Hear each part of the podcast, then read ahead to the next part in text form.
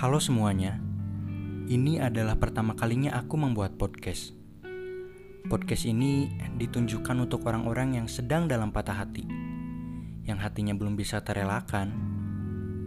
Selamat datang di podcast Gurawan Senandika. Mungkin aku bakal upload seminggu sekali, jadi jangan bosan-bosan untuk mendengarkan.